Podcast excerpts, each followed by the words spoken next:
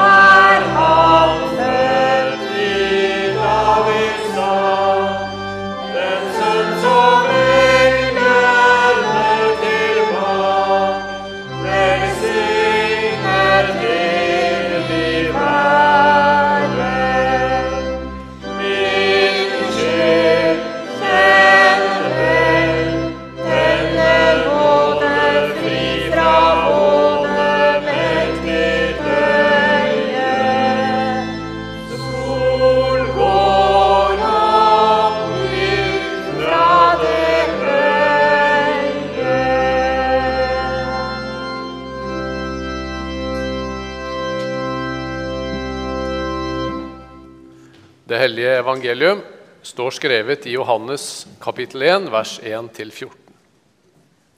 I begynnelsen var Ordet.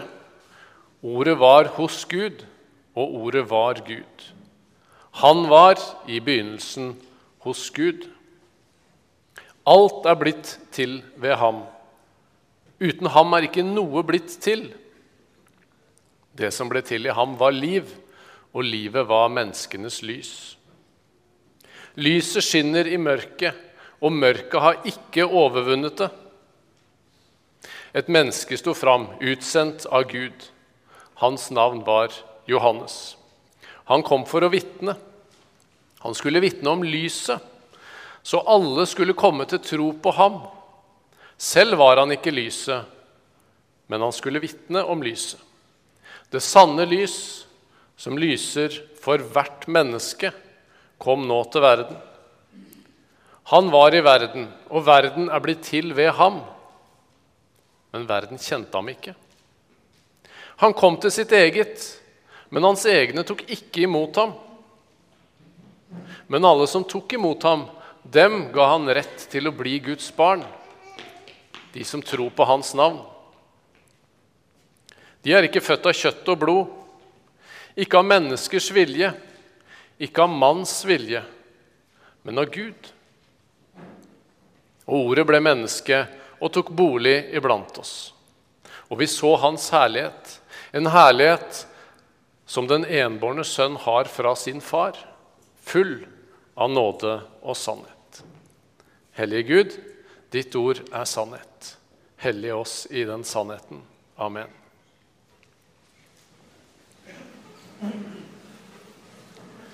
Johannes, evangelisten. Han sitter i Efesus i Asia, vest i dagens Tyrkia. I denne regionen er det flest hedninger i gresk kultur, men også en svært stor jødisk befolkning. Forskere mener at oppi 20% av de som bodde i Asia og Lille-Asia, var jøder. Johannes har en brann at flere må få høre og se dette livets ord om Jesus. At flere må få ta del i gleden i evangeliet, i håpet, de gode nyhetene. Gud vil gjøre oss til sine barn. Han vil gi oss det evige livet, rekke det til oss i troen på Jesus Messias. Og kunne flere bli frelst. Med Matteus' evangelium tenker kanskje Johannes, det henvender seg jo best til jøder som bor i Israel og kjenner den israelske kulturen godt. Og Markus' evangelium det treffer best de som bor i Roma, hvor han mest sannsynlig skrev ned sin beretning. Og nå har Johannes, drevet av Ånden, bestemt seg for å skrive ned sitt evangelium til jøder og til hedninger der hvor han bor.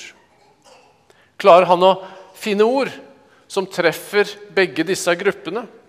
To helt forskjellige kulturer, helt forskjellige religioner.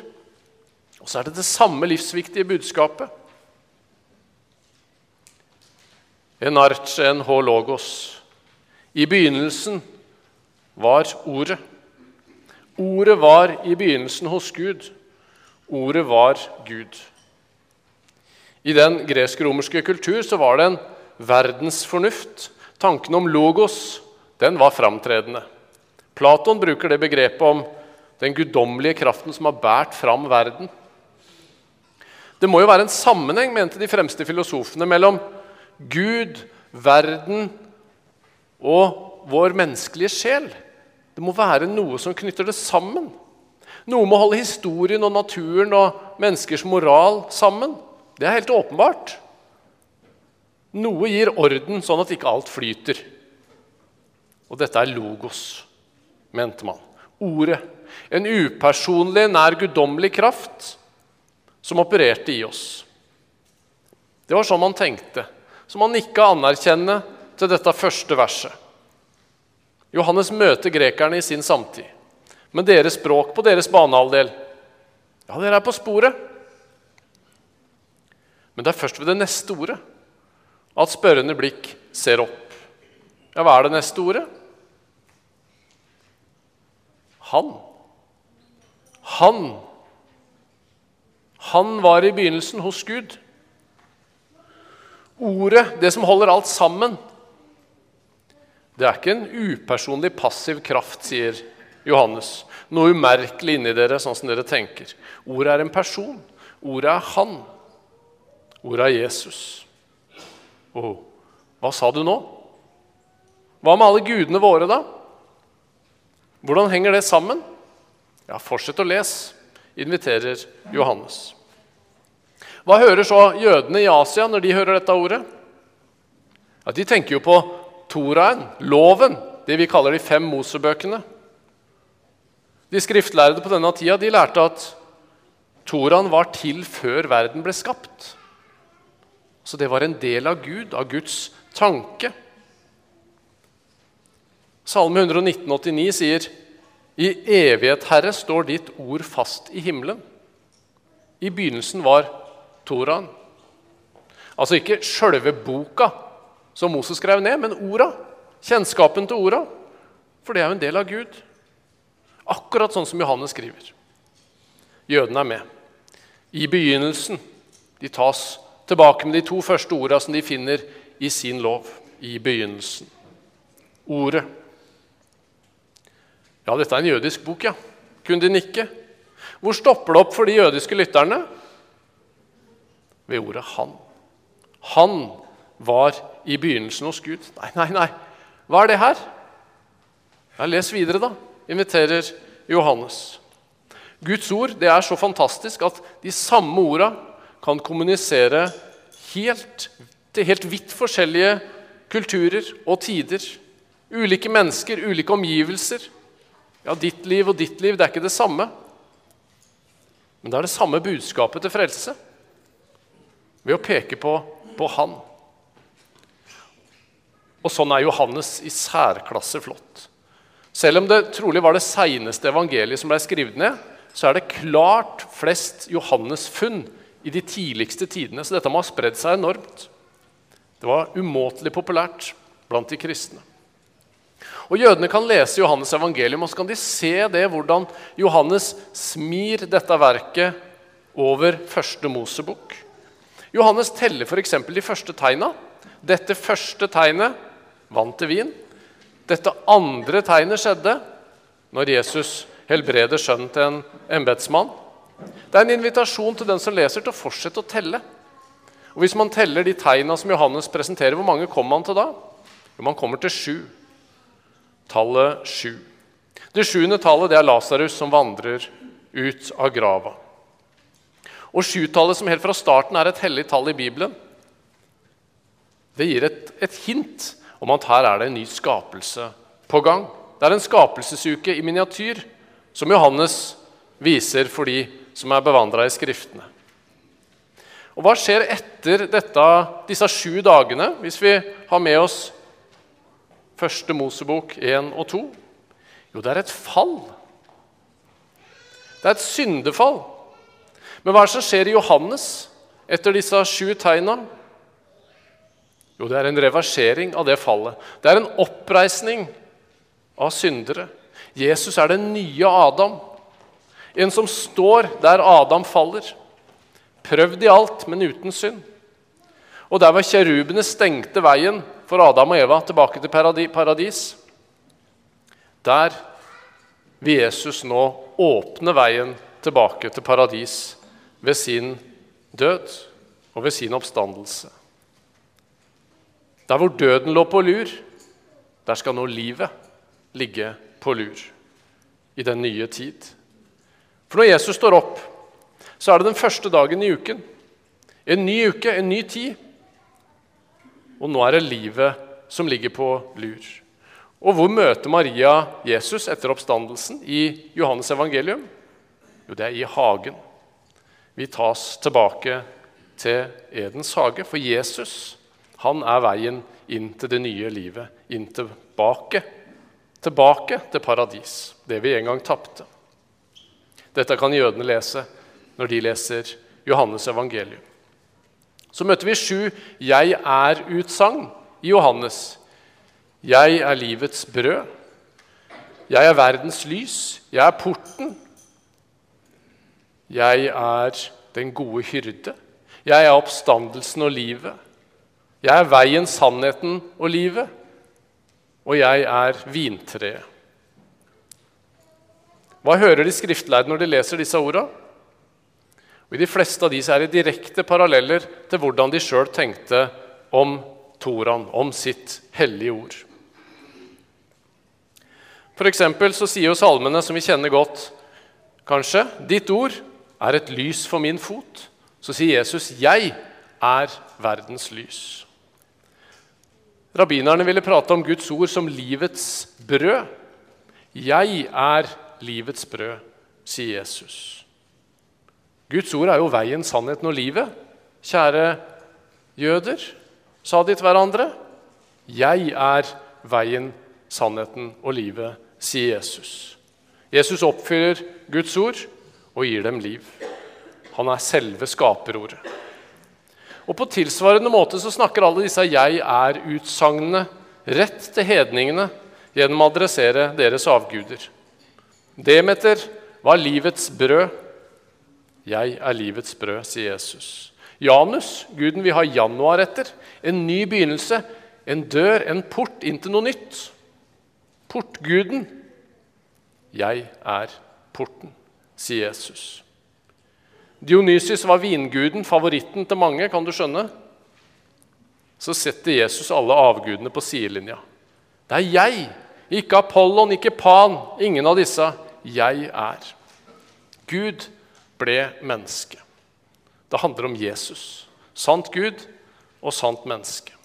Og så kan vi undres da, hvorfor dette enorme fokuset på at Jesus er fullt ut Gud og fullt ut menneske. Det blir spesielt tydelig i den nikenske trosbekjennelse, som vi bruker på høytidsdagene. så Den skal vi si fram i dag òg. Den liksom legger alt trøkket der. Og vi er jo så opptatt av dette at vi, de som ikke tror på dette, de blir jo egentlig ikke regna som kristne engang. Er ikke det litt lite raust? Nei, det her er helt avgjørende. Det var sånn Gud åpenbarte det, og det var sånn Gud valgte å gjøre det. Han var fullt ut menneske, Davids sønn. Så han kunne være den nye Adam, bli prøvd i alt, lide med den som lider, ta på seg vår skyld og straff, ja, gå i dine sko, vite hvordan det er, og bli vår representant i dommen. Og så var han Davids herre, fullt ut Gud, så han kunne bære våre synder, møte Guds vrede og den rettferdige straffa. Så han kunne overvinne døden og djevelen og stå opp igjen fra grava. Jesus er sann Gud og sant menneske. Og Derfor er han din frelser og din herre. Så sitter du kanskje her og tenker nå at Nei, da blei det svulstige greier, gitt. Så abstrakt. Mista meg i første avsnittet. Det var bedre i går, når det var julekrybb og gjetere og Litt mer konkret, litt mer nedpå. Jeg er jo en enkel sjel. Jo, men Det er egentlig et godt poeng.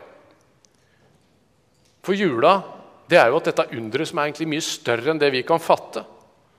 Alle filosofers tanker kommer til kort. Og så kommer det ned på en måte som vi kan gripe med våre fattige sanser. Det blir konkret. Ordet ble kjøtt og blod. Visdommen er en person. Alt dette abstrakte, alle livets gåter, tas ned og gjøres konkret i Jesus. Han er svaret på alle Guds løfter. Det lille barnet, han er ordet. Men hva vil Gud si til oss, da, oss her i Vesten, i Norge, gjennom disse vakre orda som vi starta med?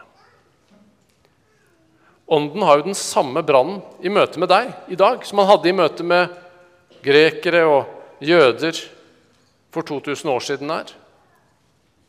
Må det ikke bli noe som ligner Gud i ditt liv, men ikke er det? Må det ikke bli teori og tankespill? Julestemning? Nesten? Må det bli Han? Størst av alt er kjærligheten, sier vi jo lett i dag. Og så dytter vi det meste inn i begrepet kjærlighet. For om mulig å holde sammen alt det som ellers faller fra hverandre. Akkurat som grekerne trengte sitt logos for å holde sammen alt, så gjør vi det med kjærligheten. Og vi er jo ganske tett på sannheten. Vi siterer jo nesten Bibelen til og med når vi sier ja, I Bibelen står det jo størst 'blant dem er kjærligheten'. Vi kunne lese det sånn. I begynnelsen var kjærligheten, og kjærligheten var Gud. Yes, applaus! Alle er enig. Vi kan gå i fargerike tog, og vi kan gå sammen med alle med det budskapet. Ingen anstøt, ingen motstand. En upersonlig kraft er nemlig det er ikke noen trussel for noen. det. Da er det fortsatt vi, du og jeg, som sitter på kongesetet i livet vårt.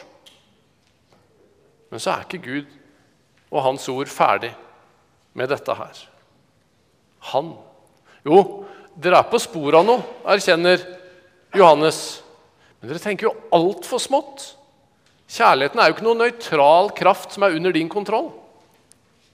Kjærligheten er Han. Kjærligheten er en person.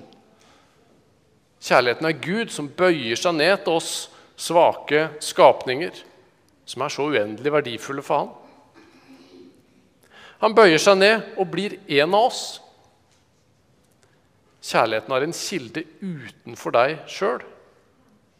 Og det er fantastisk gode nyheter, det. For det betyr jo at kjærligheten fins også når jeg er tom.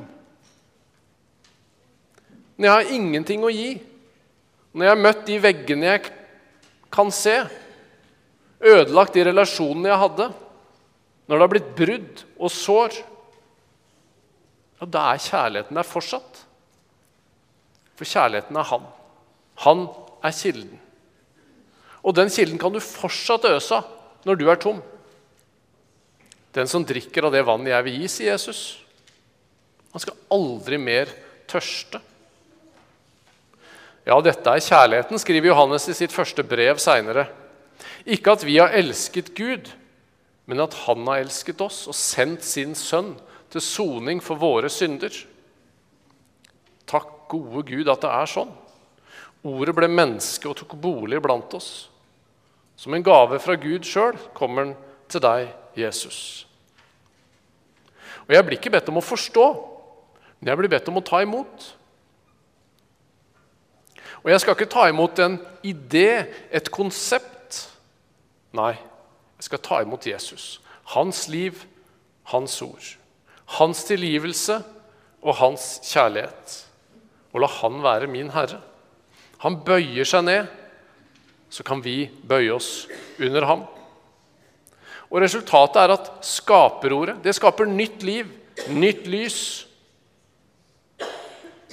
Ja, Der det før var øde og tomt, som vi leser i starten, og mørkt, der stråler lyset fram. Du er født på ny. Må det nye livet, ja, må det i det bli en brann hos deg, sånn som hos Johannes, til å vitne om Jesus, til å leve livet i hans kjærlighet, til Guds ære og til nytt liv, og til evig trøst for våre neste. Kjære Gud, velsign ditt ord. Gi oss og la det blomstre. Amen.